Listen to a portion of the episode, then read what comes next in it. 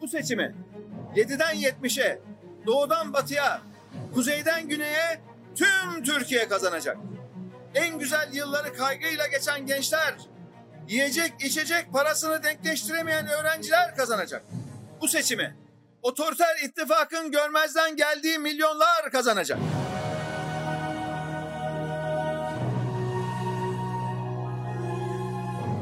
Kazanan Türkiye olsun, oylar deva olsun. Deva Partisi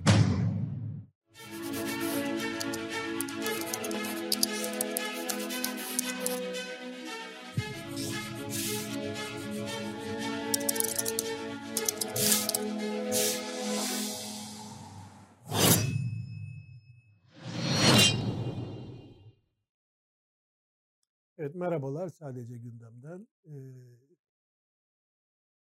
bugün yine İsmet'le beraber, İsmet Berkan'la beraber siyasi gelişmeleri tartışmak üzere karşınızdayız.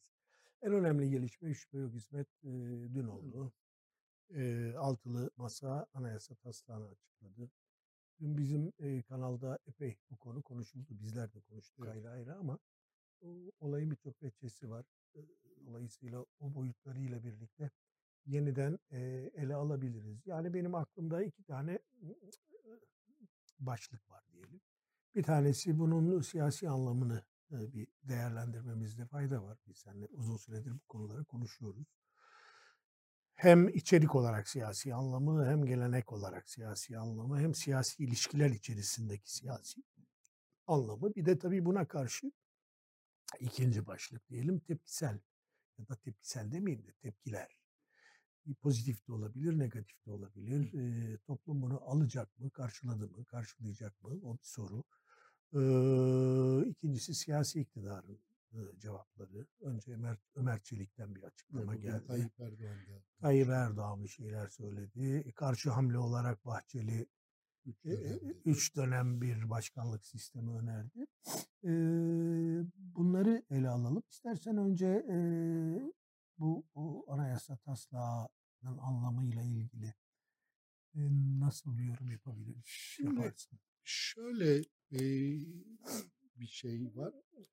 Bugün işte bu anayasa teklifini açıklayan altı siyasi partiyi bir araya getiren şey neydi? Nasıl başladığı hatırlamakta fayda var birazcık. Bu birliktelik 2017 referandumundan hemen önce oluştu aslında. Fiili olarak CH CHP ile İyi Parti arasındaki bu birliktelik 2017 referandumundan önce oluştu. Bu referandumda e, hayır oyu verilmesi yönünde kampanya yürüttü bu iki parti. Büyük ölçüde de ortak kelimelerle, cümlelerle bu kampanyayı yürüttüler. Mesela hayır kampanyası yürüten HDP de vardı ama o ikiliye dahil değildi. 2017'de de değildi. Bugün de altı partinin arasında değil HDP. E, siyasi benzeşlik sadece tek başına yetmiyor. Ya da bir konuda aynı fikri söylemek tek başına yetmiyor. İyi Parti ile CHP arasındaki yakınlaşma 2017 ile başladı. Referandumla başladı. E, o referandumu da e, işte son dakikada damgasız oy pusulaları ve zarflara izin verilmemiş olsaydı belki de referandumda aslında hayır oyu çıkacaktı. Belki de çıkmıştı. E, bir ölçüde şaibeli de kıldı bu son dakika hamlesi YSK'nın son anda işte damgasız oy pusulalarını ve zarflarını geçerli buluyor olması bir anlamda şaibeli de kıldı ve kılı kılına geçti. %51,5'la geçti referandumda. Şimdi ortada zaten oldukça kuvvetli bir başkanlık sistemi itirazı vardı ta 2017 yılında. Bu itirazların ben bugün çok daha artmış olduğunu düşünüyorum. Zaten görüyoruz da bunu anketlerde. Yani başkanlık sistemini nasıl buluyorsunuz dediklerinde %65 civarında insan birbirinden farklı birçok ankette çıkıyor bu. Ee, %65 civarında insan parlamenter sisteme geri dönülmesinin daha doğru olacağı inancını dile getiriyor. Şimdi bu e, siyasi anlamı bu aslında. Muhalefetin çimentosu diyeyim. Sonra bu iki partinin yanına e, Saadet ve Demokrat Parti katıldı önce. Arkasından da yeni kurulan Deva ve Gelecek Partileri de katıldı. Böylece bu işte altılı blok meydana geldi. Bu altılı bloğu bir arada tutan çimento esasen başkanlık sistemine getirilen itiraz. Evet. E, dolayısıyla bu küçümsenmemesi gereken bir şey. Yani kuvvetli bir itiraz var. Bu kuvvetli itirazın arkasında kuvvetli bir halk desteği var. E, başkanlık sistemini istemiyoruz diyen kuvvetli bir kesim var. E, bir numaralı siyasi anlamı bence budur. Yani tutarlılık sergiliyor muhalefet 2017'den bugüne 5 yıldır hemen hemen aynı şeyi söylemeye devam ediyor. Bu, dertlerimizin sebebi bu e, sistemdir diyor. Bu sistem geri dönmelidir, geri tekrar değişmelidir ama değiştiğinde de eskisinin aynısı olmamalıdır. O izlenimi yaratmak için de güçlendirilmiş parlamenter sistem diyorlar. Anayasa hukukunda böyle bir ta- tabir yok tabii ki. Yani ya, parlamenter sistemsiniz ya başkanlık sistemisiniz. Evet, evet. Ee, parlamenter sisteme geri dönmek istiyorlar. Parlamento hükümeti sistemine daha doğrusu geri dönmek istiyorlar. Bu bir numaralı siyasi anlamı budur. Bir başka siyasi anlamı bence şu. Bu çimentonun ötesine taşıyor yazılan anayasa teklifine baktığınızda basitçe bir sistem değişikliği önermiyor. Hatırlayalım 2017 referandumunda biz 14-15 maddelik bir anayasayı oyladık. Yani sistemi değiştirmek için anayasanın 14-15 maddesiyle oynadık biz. Ama şimdi 84 maddede birden değişiklik öneriliyor. Ee, bu aradaki fark ne? Aradaki fark işte temel haklar ve ödevler, e, insan hakları, e, yargı düzeninin düzeltilmesi vesaire arada karşımıza çıkan başka bir sürü arızayı birden gidermeye çalışıyor. Yani bu sadece bir sistem onarımı tasarısı değil aslında. Hı hı. Aynı zamanda ciddi bir demokratikleşme ve insan hakları alanı insan haklarının alanını genişletme teklifi. Şimdi böyle olunca siyasi anlamı da bence farklılaşıyor. Yani ilk anlam dediğim gibi bu bir çimento zaten bir tutarlılığın gereği olarak bunu yapıyorlar. Ama etrafına ekledikleri diğer şeyler üzerinde birbirinden bir hayli ayrı tabanları temsil eden altı siyasi partinin bir araya gelip aynı metnin altına imza atmış olması Türkiye'deki derin bir ihtiyacı sergiliyor. Ee, bu partilere göre çok derin bir insan hakları, demokratikleşme e, ve yargının düzeltilmesi, adalet sisteminin düzeltilmesi ihtiyacı var ki bu kadar daha geniş bir paketin üzerinde uzlaşıyorlar. Ee, ben o yüzden son derece anlamlı buluyorum. Bir, bir de tabii bu Cumhuriyet tarihinde daha önce yaşanmış bir şey değil. Yani türlü çeşitli partilerin anayasanın sağına soluna itirazları oldu. Hatta kaleme aldıkları, madde madde yazdıkları teklifler oldu. İşte MHP mesela bundan bir, bir buçuk yıl kadar önce 100 maddelik bir teklif açıkladı. Evet. O da başkanlık sistemine çok ciddi itirazlar getiren, başkanlık sistemini koru, sistemin kendisini korumakla birlikte sistemi ba- bayağı baştan sona neredeyse restore eden bir teklifti o da. Bu teklif unutuldu gitti kimse konuşmuyor bile.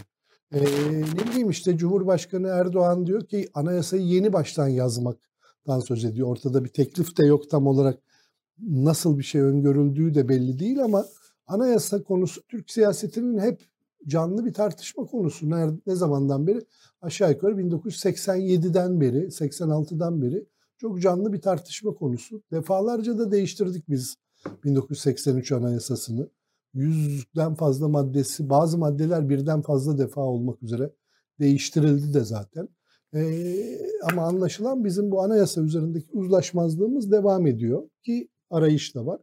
Burada sevindirici olan şey, şey şu ki altı siyasi partinin bir araya gelip tek bir metni bulabilmiş olmaları. Bu çok önemli bence.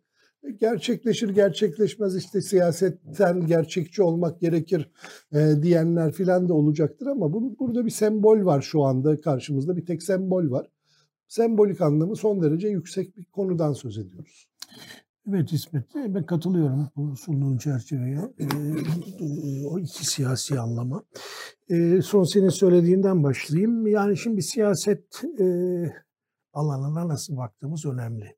Siyaset alanına gerçekleştirilebilir hedefler itibariyle de bakabilirsiniz. siyaset alanına e, küçük damlaların bardağı doldurduğu bir uzun proses olarak da bakabilirsiniz.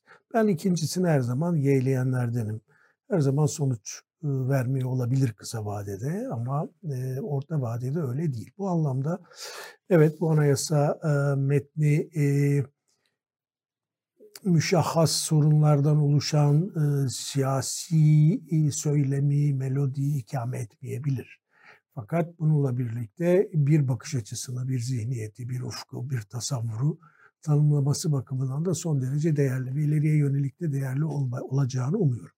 Şimdi ben e, de şöyle düşünüyorum. Şimdi bir anayasa taslağı ne demek?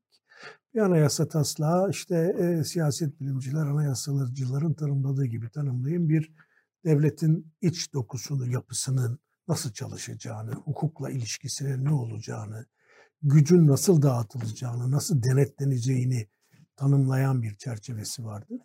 Bir de e, toplumla, bireyle devletin ilişkilerini tanımlayan e, ya da siyasetle bireyin ilişkilerini tanımlayan bir çerçevesi vardır. Şimdi bu önemli bir çerçeve çünkü e, bir taraftan iktidarın nasıl işleyeceği, e, nasıl denetleneceği, bizim özgürlüklerimizin ne olacağını belirleyen zemin bu. Şimdi bu tür hazırlıkları, hele bu tür e, uzlaşmalar sonucunda çıkan hazırlıkları hafife almamak lazım. Her ne kadar bir anda belirleyici olmasalar bile ben de üç anlam görüyorum burada. Bir tanesi bir hiç tartışmasız uzlaşma. Yani altı tane siyasi parti var. Bunlardan biri diyelim ki liberal. Bir tanesi muhafazakar, bir tanesi dindar, bir tanesi sosyal demokrat. Başka türlü de tanımlayabilirsiniz. Ama e, farklı uçlardan gelerek bunlar senin de söylediğin gibi sadece bir zemin değil, bir siyaset yapma tarzı, bir model birlikte üretme işine soyundular ve bu bir ön koalisyon. Yani daha bir seçim yok ortada, sonuçları yok ve bir birliktelik, bir ortak bir e, tutumu, ortak bir ufku, tasavvuru tanımlaması açısından da son derece değerli. Şimdi Türk tarihine, Cumhuriyet tarihine bakalım. Yakınların ittifaklarını bir kenara bırakacak olursak benim aklıma gelen hızlı bir şekilde işte eh, Demirel'le Erdal İnönü'nün kurduğu 92-93 49. hükümeti vardır. Farklılıkları bir araya getiren bir koalisyon. Çok özel bir dönemde Özal'ın diğer partileri karşısına aldığı bir evrede bir ittifakın sonucu olarak doğmuştur. Güzel bir koalisyondu. Belki istisna evet. olarak onu bir çok, kenara. Çok da işler yaptı. Yani. İşler yaptı. İstisna olarak onu bir kenara koyabiliriz. Ama onun dışında Refah Yol gibi ya da e, MSP ile e, Ecevit'in Kıbrıs Savaşı öncesinde e, kurdukları koalisyonlar bir uzlaşma koalisyonu olmaktan çok benim nezdimde bir iktidar paylaşımı, iktidar bir paylaşımı. E, çerçevesinde karşımıza çıkmıştır ve bu anlamda da hep çatışmalara, yarışmalara neden olmuştur. Dolayısıyla ilk defa oluyor. Sadece iki aktör arasında değil, altı aktör arasında bu ilk defa oluyor. Bunun değerini görmemiz ve bilmemiz lazım. Her ne kadar bunu otoriter bir rejim otoriter bir sistem, bir uygulama üretmiş olsa da olsun bunun üremiş olması önemlidir. Hala sorunlar varsa altılı masada işte e, buradaki uzlaşmanın derinleşmesiyle ilgili sorunlardır. Ama bu metin bir kere bu uzlaşmanın altını çiziyor ve bunun değerini bilmesi lazım. Türkiye'de yaşayan insanların. İkincisi siyasi tasavvur ve ufuk açısından da önemli buluyorum e, geleceği tanımlıyor. Yani nasıl bir tarlada e, siyaset yapılacağını, e, bireyin nerede durduğunu, devletin ne olacağını tanımlayan bir boyutu var. Bu da e, uzlaşmanın ötesine geçip ortak siyaset üretmenin ön aşaması demek. Kapısına gelmiş olmak demek. Bunun da değerli olduğunu düşünüyorum. E, üçüncü olarak söyleyeceğim tabii içerik. İçerik ben okuduğum zaman metni tabii tümünü okumadım ama girişi okudum. Parça parça ben diğer maddelere okudum, baktım. Madde madde Öyle mi? Ben yok gerekçeleri falan okumadım.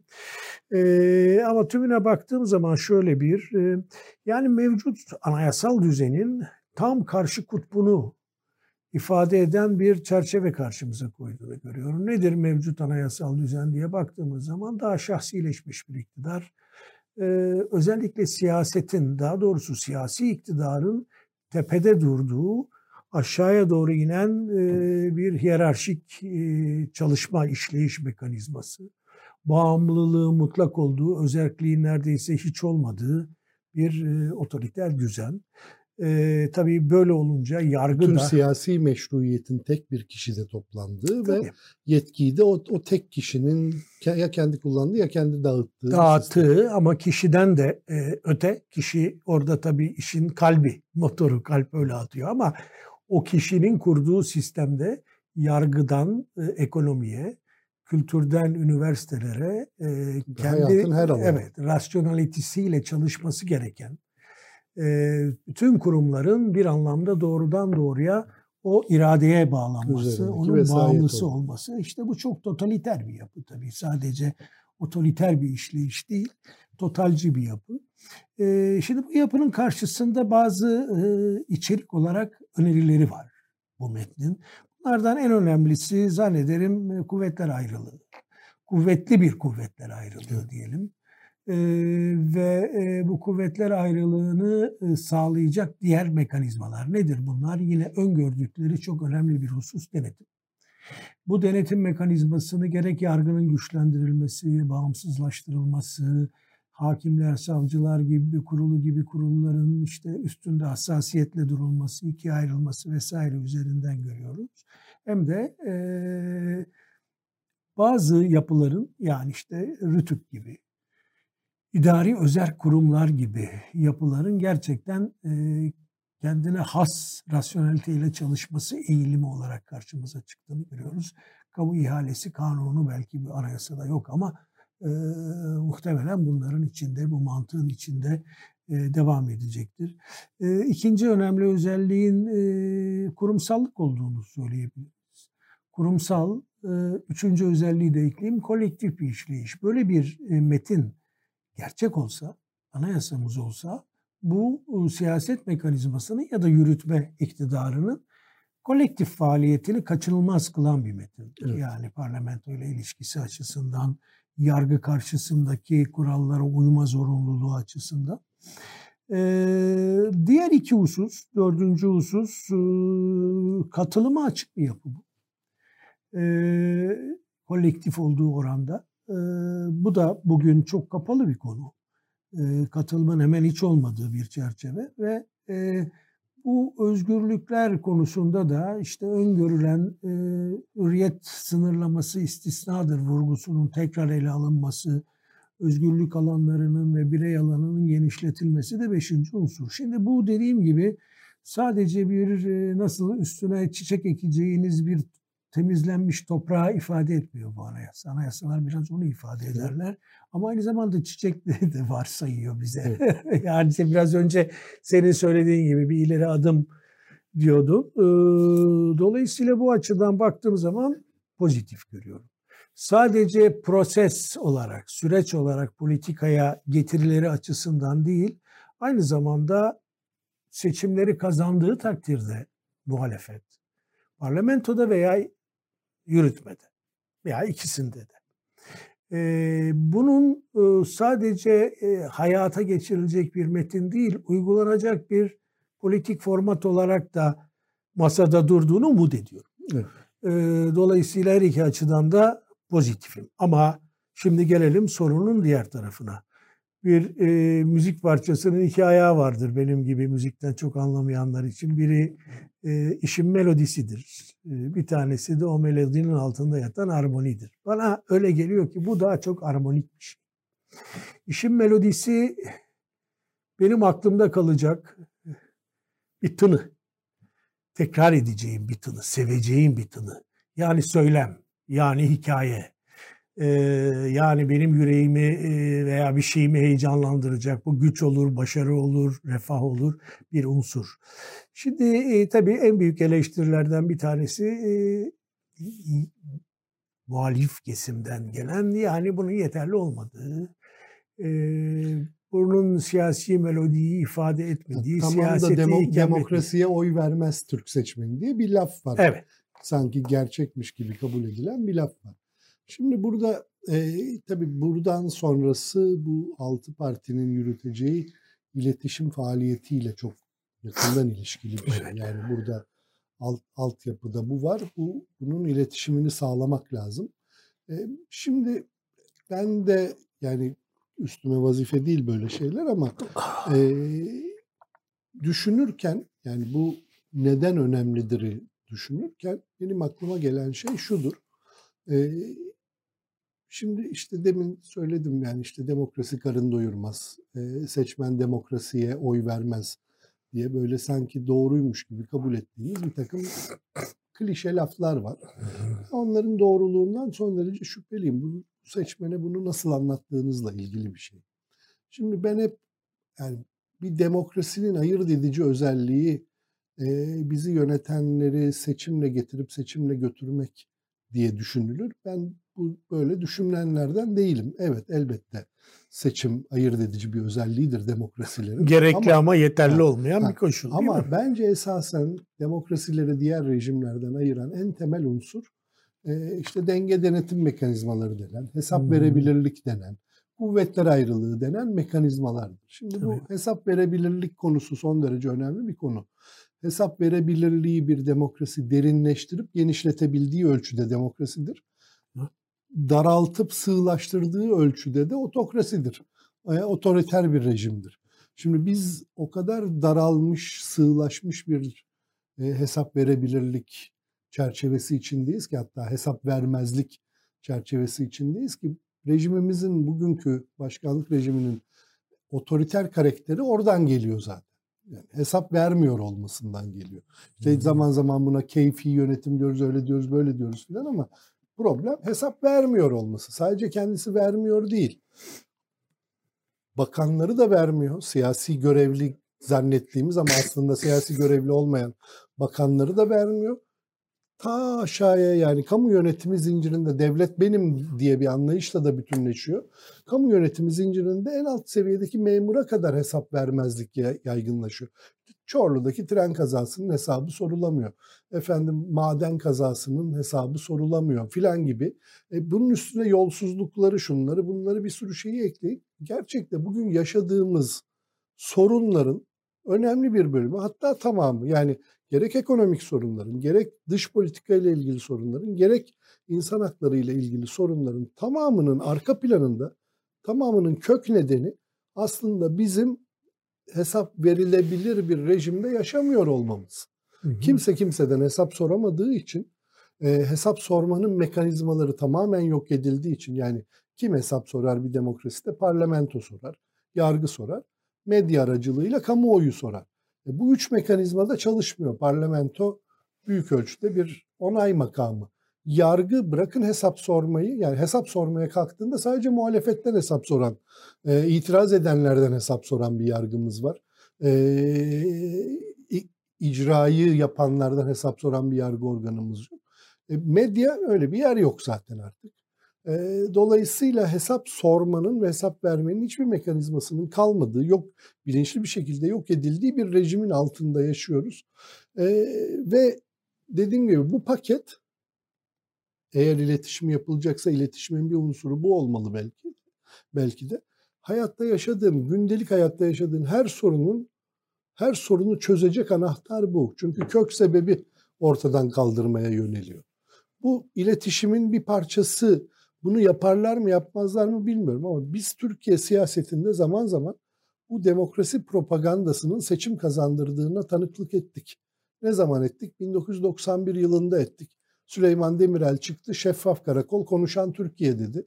Çünkü konuşamayan bir Türkiye vardı o zaman.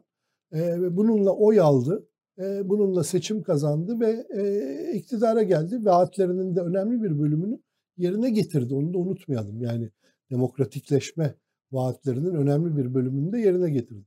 E sonra 2002 yılında AK Parti böyle oy seçim kazandı aslında. Demokrasi diyerek oy seçim kazandı. Aynı AK Parti 2007 yılında yeniden demokrasi diyerek oy kazandı. Hı hı. Seçimi böyle yüzde 47'ye yükseltti kendi oyunu. E, bugün de bugün de benzer bir durumla karşı karşıyayız. Yani umuyorum ki muhalefet propagandasının ana çizgisini bu demokrasi insan hakları, kav adalet kavramlarının üstüne koyacak. Bunlar çünkü öyle e, halkın karnını doyurmaz bunlar deyip üstünden öp diye geçilecek kavramlar değil. Tam tersine karnımız doyacaksa ancak demokrasiyle doyabilir bizim başka bir yöntemle değil. Diğer yöntem çok sınırlı sayıda insanın karnını doyuruyor. Seçilmiş, belirlenmiş, e, o trene atlamış bir grup insanın karnını doyuruyor. Halbuki çok daha geniş bir kitleye e, refahın dağıtılması ihtiyacı her zaman var bu ülkede. E, o yüzden yani ben burada umutsuz değilsin. Ben yani bilmiyorum tabii muhalefetin iletişim çizgisini görmek isterim Ya çok ama katılıyorum söylediğine bu, tabii bu de. dediğin yani bunun üstüne bu armoninin üstüne melodi yazmak iletişim stratejisiyle ilgili bir şey. Yani bunu, bunu nasıl anlatacaksınızla ilgili bir şey.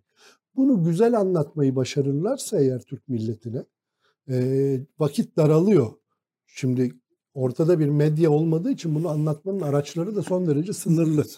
E, o yüzden de anlatmak zaman alıyor. Yani bir haftada, 10 günde, 20 günde anlatabileceğiniz bir şeyi belki 3 ay boyunca tekrarlaya, tekrarlaya, tekrarlaya, tekrarlaya ancak e, iletebileceksiniz karşınızdakilere. E, o yüzden biraz hızlı olmalarında da fayda var Fayda tabii. var. Ee, evet e, İsmet yani doğru bu tabii e, işin melodi kısmında e, bir zaaf algısı toplumda var.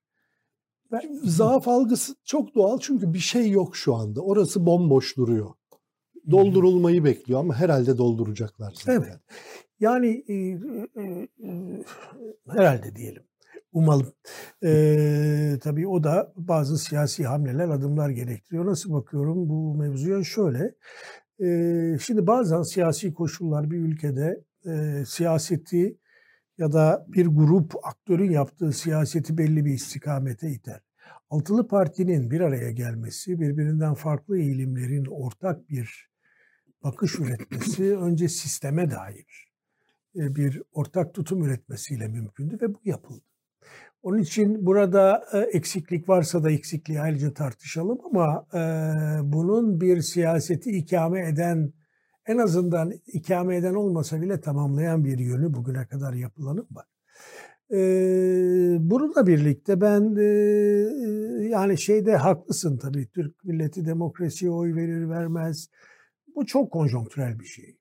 Yani öyle konjonktürel dönemler vardır ki reaksiyonla oy verir. Öyle konjonktürel dönemler var ki ürkerek e, güvenliğe oy verir. E, bu konjonktüre çok açık bir ülke burası. E, bölgedeki gelişmeler, dünyadaki gelişmeler. Bir de kendi dokusu var. Mesela e, AK Parti'nin aldığı oyların e, büyük bir kısmı çeşitli seçimlerde yüzde 47 dahil olmak üzere elbette bir demokrasi desteğini toplumun ifade ediyordu ama kabul edelim ki aynı zamanda bu çok kuvvetli bir kültürel eşitsizliği ve sistemin koruma altına aldığı bir kültürel Ama eşitsizlik. o bence o da demokrasiye dair Tabii bir şey. işte ama dair bir şey. Ama demokrasi sadece somut eşitsizliklerin eşitlenmesi arayışından oluşmuyor. Değil tabii tabii. Aynı zamanda işte basın özgürlüğü gibi, e, yargı e, mekanizması gibi unsurlardan da oluşuyor. Siz e, diyelim ki başörtülü bir e, ailenin kız çocuğusunuz. E, hak kaybı yaşadığınız zaman demokrasiye verdiğiniz anlam bu hak kaybıyla çok ilişkilidir. Bağlantılı olur. Yani burada geri almak istersiniz, hakkınızı almak istersiniz. İşte kültürel eşitsizliğin ürettiği bir durum bu. Ama aynı şey sizi çok da ilgilendirmeyen bir Osman Kavala meselesinde olduğu zaman bu biraz vicdanınıza kalmaya başlar. Bu doğru ama diyelim ki çok tersten bir örnek vereyim ben de sana. Hmm. Ee, evinizin önündeki küçük yeşil alana birisi geldi bina diktiğinde Hı hı. de bir hak kaybına uğruyorsunuz. Bu da demokrasiye dair bir şey. Doğru. Anlatabiliyor muyum? Yani doğru, doğru. illa böyle büyük tırnak içinde büyük haklarla ilgili olması gerekmiyor bunun. Bu haklar Doğru, bir sürü şey- Ama işte böyle anayasa metinleri, e, yargı meselesi, e, demokratik toplum meselesi dediğimiz zaman e, somut sorunlarımız üzerinden algılamak daha e, mümkün, daha kolayken daha dolaylı e, algılamanın dünyanın her yerinde siyasi kültüre göre bir miktar daha Doğru, zor doğru. olduğunu İletişimi da daha zor bir kere zaten. teslim etmek lazım. Dolayısıyla burada evet altılı masanın e, bu anayasa e, metni dışında bundan sonra ciddi bir meselesi olduğunu görmesi lazım. Bu meselese de senin deyiminle bir iletişim ya da bir e, kamu politikası, kamu diplomasisi veya bir e, siyaset üretim ya da siyasi söylem üretim mekanizmasının gerçek hale dönmeye başlaması. Ben burada iki aşama olduğunu artık kabul ediyorum. Birinci aşama bu. Birinci aşama altı siyasi partinin bir araya geldiği, e, birlikteliklerinin bozulmayacağını gösterdikleri, hedef olarak e, Tayyip Erdoğan'ın gitmesi ve parlamenter sisteme ve hukuk devletine dönüşü e, koydukları bir çerçeve. İkinci aşama e, artık adayla birlikte, kampanya ile birlikte karşımıza e, çıkacaktır diye düşünüyorum. Yani hala ben bu aday çıkmadan önce herhangi bir somut adımın somut konularda adımın atılabileceğini sanmıyorum. Atılamaz Baz- zaten eşyanın tabiatına da aykırı değil mi? Yani? Yani olabilirdi tabii. Dış politikada olabilirdi. Da ona da çalışabilirlerdi ama ona çok çalışmıyorlar. Veya başka konularda Hı. güvenlik konusunda olabilirdi. Olabilecek pek çok konu var. Ama e, bir kişinin çıkıp parti adına bir grup toplantısında böyle bir ileri adım atması çok kolay değil senin söylediğin e, gibi. E, o zaman şunu e, varsaymakta e, haklı olabilirim diye düşünüyorum. Yani aday belirlediği andan itibaren derinleşmede gelecek. Kaçınılmaz bir şey. Kaçınılmaz bir şekilde. Yani aday sadece herhalde çıkıp anayasa metnini anlatıp iktidarın kötülüklerini anlatmayacak ya da yanlışlarını anlatmayacak. Aynı zamanda nasıl bir dış politika olduğunu daha çok tanımlamak E şimdi işte onu yani bunu bize ilan ettiler zaten. İki tane daha belgenin üstünde çalışıyor Hı hı. muhalefet. Bir tanesine bir tanesi işte bu dediğin program. Evet. Bir nevi hükümet programı üstünde Hı hı. çalışıyor. İkinci belge ne? İkinci belgede yol haritası adını verdikleri. Yani seçilen başkanın e, neyi, nasıl, ne zaman, ne şekilde yapacağına yapacağı dair. biraz iktidarın Evet. nasıl paylaşılacağı ama ben Şimdi- hala bu senin söylediğin o ikinci hususun kritik olduğunu düşünüyorum. Nedir bu iki mesela ne yok bu metinde? Vatandaşlık tanımı ile ilgili hiçbir Hiçbir şey yok. yok. Çok doğal çünkü anlaşmadıkları bir konu. Ya da anlaşsalar bile farklı anlamlar çıkaracakları bir konu. Meseleyi Kürt e, sorununa e, gönderdiği için ana dil meselesi veya yerel yönetimlerle ilgili Türkiye'nin idari yapılanması ile ilgili daha muğlak demokratik prensipler var. Şimdi sahaya çıkacak kişi nasıl davranacaktır? Kürt meselesi konusunda ne diyecektir? Ya da e, dış politika konusunda mesela bir kara harekatı yapmaya kalksa Erdoğan. E, tam da kampanyanın en kritik döneminde Evet. aday ne yapacaktır? Yani bunu işte milli haklarımız, çıkarlarımız, faydamız diye tam destekleyecek midir? Yoksa topluma bunun bir iç siyaset manipülasyonu olduğunu mu anlatmaya kalkacaktır? Tabii bu tercihler, bu çıkışlar, buradaki söylemin çok belirleyici olduğunu görmek lazım. Benim sadece söylemek istediğim şu, her programda bir tür bir vesile oluyor söylüyorum. E, genel iklim kötü, hava yağmurlu. Bu havanın yağmuru sadece Türkiye semalarında değil, bu Balkanlarda da böyle, Orta Doğu'da da böyle. Şahsi iktidarlar, güç arayışları, stratejik, e, nasıl söyleyeyim, planların, e, insanların zihnini etkilemesi, savaşlar, çatışmalar, krizler, bütün bunların egemen olduğu bir dünyada yaşıyoruz. Yani 1980'lerin başında olduğu gibi işte daha biraz liberalizmin yükselmesiyle birlikte bireyin yükseldiği, özgürlüklerin yükseldiği, bunun e, ana değer olduğu bir e, dünyada değiliz. Aynı zamanda işte güçlü siyasi irade, güçlü bir lider lazım bize fikrinin de şu veya bu şekilde her toplumda çalıştığı bir dünyadayız. E, Türkiye'de işte sürekli olarak e, Tayyip Erdoğan'ın topluma anlattığı şey sürekli bir uluslararası sahada, uluslararası masada daraltılmaya çalışan alanını geniş tutmaya çalışıyor. Bu da yetmiyor. Kendi alanını genişletmeye çalışıyor. Burada ne kadar başarılı, ne kadar güçlü olduğunu e, topluma anlatmaya çalışıyor ve Türkiye'nin e, bu dönem ve önümüzdeki dönem temel meselesinin bir varoluş meselesi olduğunu e, söylüyor. Bizi Şimdi bu çalışıyor. Evet ben bu beni çok ikna etmiyor olabilir ama e, toplumda etkisi olduğunu düşünüyorum. E, tümünde olmasa bile herkesin bir tarafından giren böyle bir boyut var. Dolayısıyla bunları bu boşluklara girecek de bir söylem lazım. Şimdi E, ben bunların olup olmayacağını bilmiyorum ama Bir bitiriyorum lafımı. Evet. İki, ikinci aşamada yani adayla beraber biraz adayın kişiliğine göre, e, biraz cesaretine göre e, bunlar ya ikame edilebilir ya da senin dediğin gibi bunlar karşısında demokrasi fikrinin, birlikte yaşama fikrinin daha önemli olduğu topluma e, anlatılma yolu o aday tarafından seçilebilir. Bu da başarılı olur olmaz göreceğiz. Şimdi senin sözlerinden hareketle birkaç bir şey söyleyeceğim. E, doğru. Yani dünyada işte liberal anayasal demokrasiler 1990'da zirve noktaya ulaşmış. Hı hı. Çok sayıda ülkede e, uygulanan bir şey olmuş. Bugünse bir hayli dip noktalarda yani Soğuk Savaş'ın gerisinde otoriter yönetim biçimleri giderek daha fazla yayılmışlar. Fakat tabii yegane trend bu değil dünyada. Bu bir trend. Dünyanın dört bir yanında var. Türkiye'de buradan bigane değil. Türkiye'de de yaşadığımız bir şey bu. Ee, ama yegane trend bu değil. Bir de bunun tersi yönde de bir dalga var dünyada. Toplumsal hareketler olarak diyorsun. Yo yo iktidar Ne var mesela? E, Şimdi mesela Örnek ver. Almanya mesela sessiz sedasız bu konuyu çok da fazla büyütmeden e, popülist hareketini çok sınırladı. sınırladı ama Çok- aynı Almanya unutma ki e, 100 milyar dolarlık bir e, bütçeyle bir fonla Tamam ordu Ordusunu kuruyor çünkü, ayaklanmaya- çünkü Rusya Şimdi- tehdidi var. E, ama yani işte Ama o otoriterlik mi bilmiyorum. O- otoriterlik demiyorum ben. Benim dediğim e, tam otoriterlik değil İsmet. Otoriter bir dalga var. Bir de ulus devletin o doğru. ulusal çıkarların Şimdi öne tamam, çıktığı onu, ha, onu da demokratik faydanın ve e, zaman zaman ilkelere, daya, ilkelere dayalı gerilediği bir iklimden bahsediyorum. Yoksa tamam, sırf doğru. otoriter demiyorum. Bu doğru, bu doğru. Ee, salgınla birlikte aslında 2008 ekonomik kriziyle birlikte görmeye başladık biz bunu ama salgın tabii çok kristalize etti.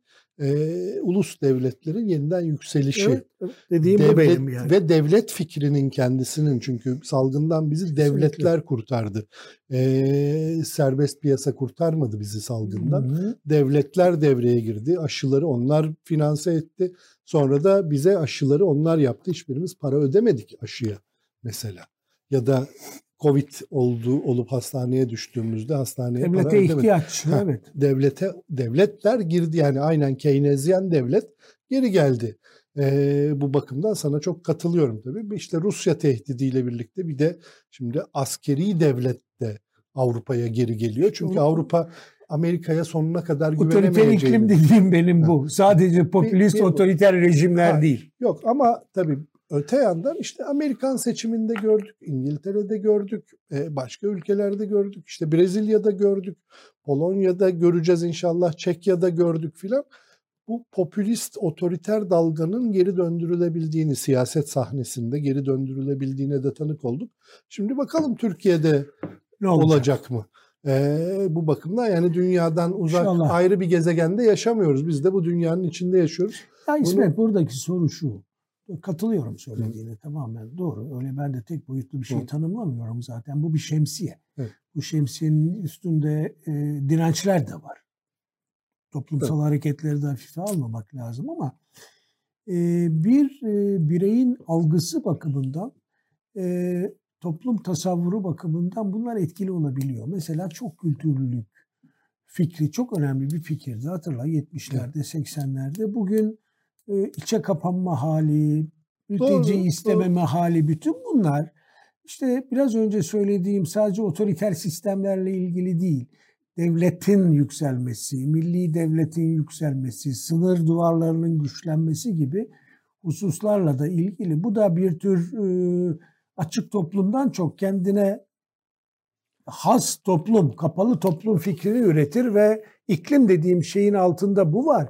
Ve Türkiye'deki ortalama en muhalif seçmen de acaba bundan etkilenmiyor mu diye benim e, bir sorum var. Yo yo şimdi şöyle tabii e, bu böyle bitmez tükenmez eski bir tartışmadır. E, seçimine kazanır, negatif söylem mi kazanır, pozitif söylem mi kazanır tartışması vardır. Şimdi korkularımız söz konusu olduğunda negatif bazen kazanabiliyor. İşte Brexit öyle kazandı negatif Evet, mesela. tabii. Toplumu korkutarak kazandı. Türkiye'de de şimdi onu görüyoruz. Yani Tayyip Erdoğan kendi siyasi tarihinde ilk defa olarak son 4-5 yıldır korkular üstüne kuruyor bütün siyasetini ve yani ben olmazsam, ben gidersem bu ülke batar, çöker. Hepinizin hayatı daha kötüye gider. Güvenliğiniz de mahvolur, ekonominiz de mahvolur. Her bakımdan kötü olur diye bir şeyi özünde söylüyor. Yani bütün iletişim sistemi bunun üstüne kurulu. Şimdi bunun karşısına eğer muhalefet pozitif bir söylem koyabiliyorsa o çok enteresan olur sayeden. Yani eee, bir diğer negatifle gelecekse muhalefette ya bunlar sizin hayatınızı mahvetti. Eee, ben, bana kendi hayatımı anlatmakla gelecekse hiçbir ilginç tarafı olmaz bu seçimin. Tayyip Erdoğan da kazanır onu söyleyeyim ama muhalefetin kendisi bu negatif bütün bu negatif söyleme rağmen kar- karşısına bir pozitif söylem koyabiliyorsa ya her her şey güzel olacak. Mesela şeyin Ekrem İmamoğlu'nun sloganı içi bomboştu, arkasında hiçbir şey yoktu. Ama bir güler yüzle bu slogan bile iş yaptı İstanbul'da. Buna bir ihtiyaç var aslında. Yani hepimiz hayatı iyi tarafından görmek istiyoruz. Ee, güzel bir gelecek hayalimiz olsun istiyoruz. Çok uzun zamandır güzel bir gelecek. o zaman şunu söyleyelim. İki faktör de e, kefede. Ee, evet. Yani pozitif de e, belirleyebilir. e, Tabii. Korku, endişe de Şimdi- etkileyebilir. hayır, şunu demeye çalışıyorum. De, şimdi iktidarın yani Tayyip Erdoğan ve iktidarının bu negatif söylemi o kadar yay yani sadece korkuya da dayanmıyor aslında. Bir de şükür söylemi var bunun içinde. Şükret ki işte cebine üç kuruş para giriyor. Şükret ki üstünde giyecek bir kıyafetin var. Şükret ki kafanın üstünde bir dam var hala Hı hı, daha. hı hı. Yani çok daha kötü olabilirdin ama ben seni o kötüden kurtardım. Şimdi bu tabii çok kötü bir söylem aslında. Ve aynen benim bu söylediğim cümlelerle söylüyor bazen Tayyip Erdoğan. Şükredin, şük- şükürsüzsünüz dedi. Şükretmiyorsunuz, maaş alıyorsunuz. Ben istihdamı korumaya çalıştım dedi. Şimdi burada e, bir pozitif yani ne kadar geriye doğru düştüğümüzü, arkaya düştüğümüzü anlatmak bakımından söylüyorum bunu. Yani düne kadar biz yarının bugünden güzel olacağına inanan insanlar ülkesiydik. Bugün eee, bugünümüz dünden kötü ama yarınımız daha kötü olmasın diye eee, sürekli endişelenen insanlar ülkesiyiz. Bunu hiç unutmamak lazım. Şimdi bugün işte yazı yazmak için baktım. TÜİK'in eee, tüketici güven endeksi diye bir şeyi vardır. O tüketici güven endeksi altındaki 6-7 tane endeksin bileşiminden oluşur. O 6-7 endeksten bir tanesi de geçmiş 12 ay ile bu 12 ayı kıyaslayın diye e, şey geçmiş 12 ay ile bugününüzü hane halkı geliri açısından kıyaslayın diyen bir şeydir. 2012'nin Ocak ayında o endeks %88'i gösterilmiş. Bugün %53'ü gösteriyor. Yani geçmişe göre daha kötü deyim diyor. Evet. Ben sen dün şeyi okudun mu? Ee, Fehmi Korun'un yazısını. Okudum. Yani o da eee, neyse şimdi, o, Şimdi- o, o, onu o da bir başka uç örnek. Yani e, dünyadaki genel algı, uzman algısı Türkiye'de bir şey değişmeyecek. AK Parti adayı yani Fehmi'nin yazdığını söylüyorum. Biliyorum, biliyorum. Yüzde Ben- seçimleri tekrar kazanacak algısı. %70 demeyelim de yani 71 oradaki Hayır, rakam. hayır, o yüzde yetmiş bir öyle değil. Neyse çarpıtarak kendisi anlamadığı için çarpıtarak aktarıyor. Bu raporu ilk yazan Türkiye'de benim eee, kendi eee, gündem isimli bültenimin de Fi- Fitch denen eee, ekonomik araştırma kuruluşunun Cuma günü yayınladığı bir özel Türkiye raporu bu. Üç tane senaryo ele alıyor. Bu senaryolardan bir senaryoya ağırlık vermek yani probabilite vermekle kazanacak demek aynı şey demek değil Tabii. senaryolardan birine %55 ağırlık veriyor, diğerlerine %22'şer buçuk ağırlık veriyor. Ee, şimdi böyle bir saçma bir şey yapmışlar. İki probabiliteyi birbiriyle toplamışlar. Yani 55 artı 22 buçuk. Tayyip Erdoğan'ın kazanıyor gözüktüğü iki senaryoyu bir o zaman %72 kazanıyor. Öyle bir şey yok. İstatistik bilmemek, matematik bilmemek, cehalet. Bir anda, bir anda bu-. Bu, çok ayıp bir şey. Bugün Mehmet Barlas da aynı cehaleti yazmış. Aynı şeyi Osman da yazmış galiba. Ulagay. Çünkü Fehmi Konu Ulagay'dan hayır, almış. Hayır, Osman'ın yazdığı böyle değildi. Osman'ın yazdığı gayet dikkatliydi. Bunlar istatistik bilmedikleri için iki rakamı birbiriyle toplayınca yüzde bilmem ne o. Hayır. Probabilite başka bir şey, istatistik başka bir şey, kazanma ihtimali başka filan neyse şimdi Peki. burada çok uzun derse girer bu iş yani. Ee, ama bu cehalet hakikaten çok fena bir şey memlekette. Ee, ne diyeceğim unutturdum bana. ya ama yine güzel programa renk ve can kattı. Hayır ama ya, hakikaten yani şimdi iki probabilite birbiriyle toplanmaz ya. ben raporu görmediğim için evet. Tamam. Raporda bir şey yok. Rapor bir gerekçe de söylemiyor. Niye yüzde 55 o senaryoya ağırlık verdiğine dair bir rasyonel anlatmıyor. Bilsek ona göre konuşuruz. Yani ne demiş, neden yüzde 55 demiş bu senaryoyu biliyor olsak konuş deriz ki ya senin şu varsayımın şöyle değil mi? Direkt bana yani Allah'ın emri gibi bir varsayımda bulunuyor. O- onu tartışamam. Peki. E, çünkü raporun amacı da bu değil seçimin Peki tamam ben sana ben zaten. seni rayının üstüne oturtayım. Bahçeli e, biraz önce konuştuğumuz tüm konularla ilgili olarak da e, olabilir. Ondan bağımsız olarak da olabilir. E, bu başkanlık sistemini e, ve güvenlik sistemini şu anda yaşanan e, sistemin ideal olmasını vurgulayan yeni bir öneri ortaya attı. Bu önerinin bir anlamı karşılığı somut Bence- olarak yok ama simgesel olarak bir şey demek istiyor. Bence alay ediyor ya. Yani aklınca muhalefetin anayasa taslağıyla alay ediyor. Şimdi ne diyor muhalefetin anayasa taslağında? Cumhurbaşkanının görev süresi 7 yıldır diyor. Ee, 2 çarpı 7 14 yıl eder. E, 3 çarpı 5 de 15 eder. Çok da büyük bir fark yok. Ee, o zaman bizimki de 3 3 dönem olsun, 2 dönem değil 3 dönem olsun. Ona ne dersiniz filan diye bence alay ediyor. Yani kendince hakir görüyor e, ortaya çıkan şey. Yani bir ciddi bir öneri biz yarın yazıp bu önerimizi meclise sunuyoruz şeklinde bir öneri değil o. E, ben Tabii öyle tabii, anladım Ben öyle anlamadım ama şöyle bir boyut olduğunu da düşünüyorum.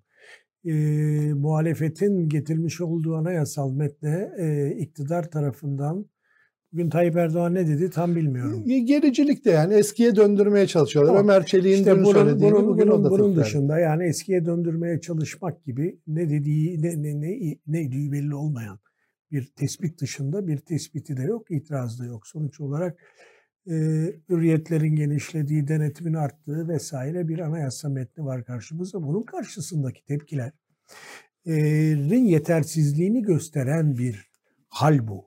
Yani bu metnin eleştirisi değil, mevcut sistemin simgesel, keyfi, doğalmış gibi kabulü üstüne e, bir tutum.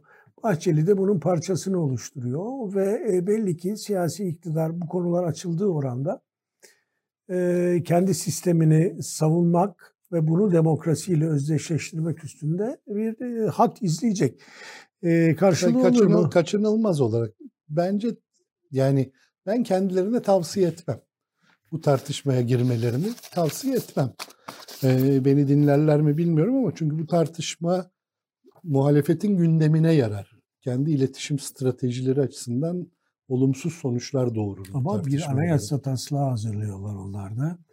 Ee, ve anayasayı yeniden E- meclisten geçirmek istiyorlar. Mevcut sistemi e, reforme etmek değil, güçlendirmek gibi bir hedefleri var. Şimdi işte yani burada öyle yani Tayyip Erdoğan hata üstüne hata yapıyor diye konuşup duruyoruz burada. Bu hatalarına bir yenisini eklemekti zaten yeni anayasa çağrısı yapmak. Yani Hı hı. muhalefetin anayasa üzerinde çalıştığını duyduğunda bundan 8-10 ay önce sıfırdan yeni anayasa yapalım gelin eee, diye hedefi belirsiz bir öneride bulundu.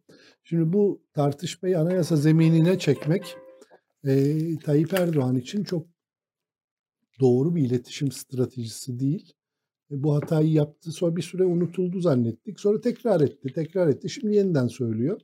E, şunu unutmayalım yani bundan üstünden geçmiş 66 gün. E, Kemal Kılıçdaroğlu çıktı dedi ki türbanla ilgili başörtüsünün ne özgürlüğü garanti altına alan bir kanun teklifi veriyoruz dedi. E, bunun üstüne Tayyip Erdoğan da çıktı. Kanun teklifi yetmez anayasayı değiştirmek gerekir dedi. Çünkü biz dedi bu sorunu çözmüştük Yani dedi. o konuda Ha. evet ama anayasa Peki teklifi nerede daha ana- önce. hayır hayır nerede Tayyip Erdoğan'ın anayasa ta- taslağı? Bana söylese ben 15 dakikada yazar önüne koyarım arzu ettiği. Ama iki farklı Hayır, şey. meclise, hayır hayır şunu demeye çalışıyorum. Partisi onu uyardı. Dedi ki ya biz bu işi anayasa zeminine sokmayalım. Hiçbir şekilde anayasa zemininde bir tartışmaya girmeyelim. Muhalefetin gündemini de konuşturtmak zorunda kalırız. Ve konuşmak zorunda Ha, kalırız. evet canım anladım ama benim söylediğim o değil. Benim söylediğim e, Kılıçdaroğlu'nun başörtüsü önerisini bir referanduma ya da anayasal değişikliğe dönüştürmesi değil. Ondan epey önce e, Evet evet işte yani Hedef- topyekun anayasa değişikliği. hedef olarak bir anayasa değişikliğini koyuyor ve bu anayasa değişikliğinde mevcut sistemin aksayan yönleri kendince e, yeniden tasarlansın ve bunu da ilk defa siviller hazırlasın. Topyekun bir anayasayı gibi bir derdi var. Bu bu mevcut anayasanın karşısına, taslağın karşısına bir karşı ağırlık olarak sen tavsiye ediyorsun etmiyorsun başka bir şey ama çıkarılabilir. Yani Ee, yine burada güvenlikçi, istikrara vurgu yapan bir e, siyasi söylemle iki model tartışılabilir. Tartışılmayabilir de. Belki bu konulara hiç girilmeyecektir ben, ben kampanyada. pek beklemiyorum bu konulara girilmesini. beklemiyorum. Yani partide hala bir akıl var. Eee, çünkü bu ters tepecek bir şey olacaktır. Yani ne şimdi hatırlayalım Cumhurbaşkanı Yardımcısı Fuat Oktay'a bir rapor hazırlatıldı bundan iki yıl önce. Ve Hı o rapor açıklanmadı hiçbir zaman. Üstünde konuşuldu ama raporun kendisini hiç göremedik biz. Eee işte başkanlık sisteminin aksayan bir yönü varsa görelim, düzeltelim, tedbir alalım. E, rapor sonunda ne buldu? Başkanlık sisteminin neyi aksıyormuş? Memurlar tembelmiş ve in- inisiyatif kullanmıyormuş. Raporun somut olarak söylediği şey bu.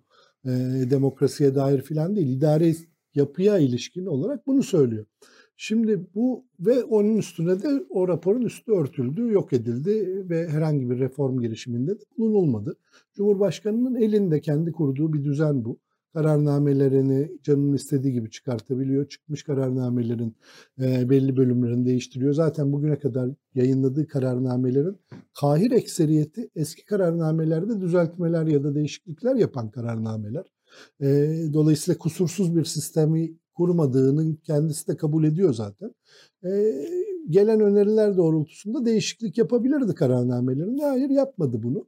Şimdi meseleyi anayasa bazında yapacağım dediği zaman iki yöne doğru gidebilir. Bir, gelen eleştirileri dikkate alıp, alıp bazı kuvvetler ayrılığı unsurları eklemek isteyebilir. O zaman denir ki bak hatanı kabul ettin işte. İstanbul'da böyle bir şey yapacağım. İkinci ihtimal daha da otoriterliği kuvvetlendirecek şeyler yapabilir. Bu da muhalefetin işine yarar onları eklemesi de. O yüzden ben bu konuya hiç girileceğini düşünmüyorum. Peki. Ee, Yani seçim satım halinde evet, muhalefetin mümkün olduğu kadar anayasa tartışmasından uzak tutmak isteyecektir Anladım. iktidar. Bakalım göreceğiz. Senin dediğin gibi olacak mı olmayacak Yani- mı? yani seni eleştirmek için söylemiyorum. Yo, yo, ben, ben- ben- olabileceği Ben, kanaatindeyim ben de. şimdi AK Parti'nin bu çeşit siyasi iletişiminin başına geçen Ertan Aydın'ı tanıdığım kadarıyla kafasının nasıl çalıştığını bildiğim için birazcık Peki. eee, bu tahminlerimi biraz oradan hareketle söylüyorum. yani. Hiçbir şey Tayyip Erdoğan'dan daha güçlü değil. Değil, tabii ki. Değil tabii ki. Değil. Onun Ona ne sabah kalkıp gece zihnine ne düştüğü, sabah nasıl uyandığı Ya da eniştesinin ona Hepimizin- ne söylediği bir evet hepimizin kaderini belirleyebiliyor. Onu da unutma. Ee, çok vaktimiz kalmadı. Son 5 dakika. Sen e, konuyu açmak istemiştin. Bu Suriye, Irak e, kara operasyonu geçen hafta da konuştuk ama onunla ilgili söylemek istediklerin Irak değil de? Suriye galiba. Suriye yani. pardon. Irak değil. Irak'ta zaten devam eden Yok bir yok kara Irak değil. operasyonu Yanlış var. ifade ettim. Suriye Ee, evet. Şimdi Suriye'de e, ben daha önce yani Türkiye'nin kara operasyonu yapmasına e, büyük güçlerin izin vermeyeceğini söylemiştim. Bunu söylemeye devam ediyorum ama Türkiye tabii onları dinlemek zorunda değil. E, geçen sefer de bunu söylemiştim yani ne Rusya'yı ne Söyledin evet. e, girebilir diye.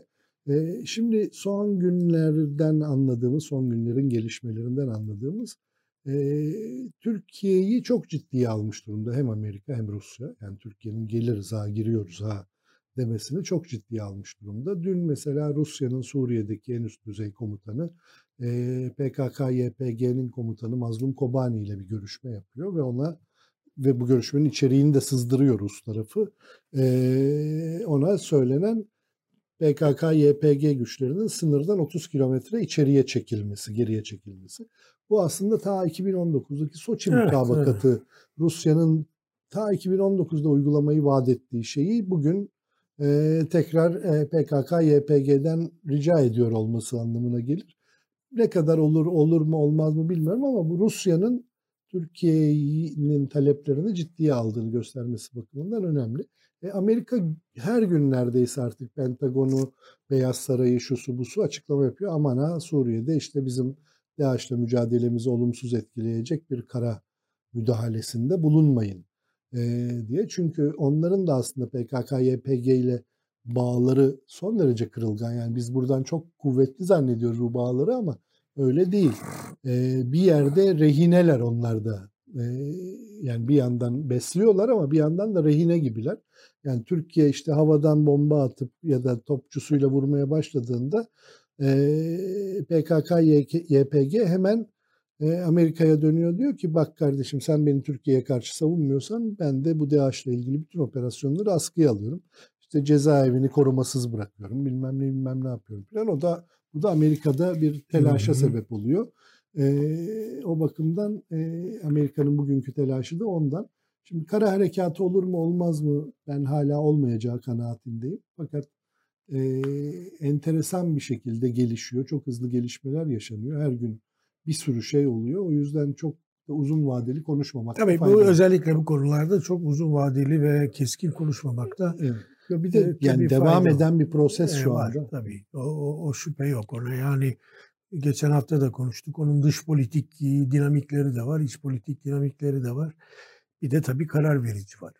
Ee, karar vericinin her zaman rasyonel adımlar atması da söz konusu olmuyor.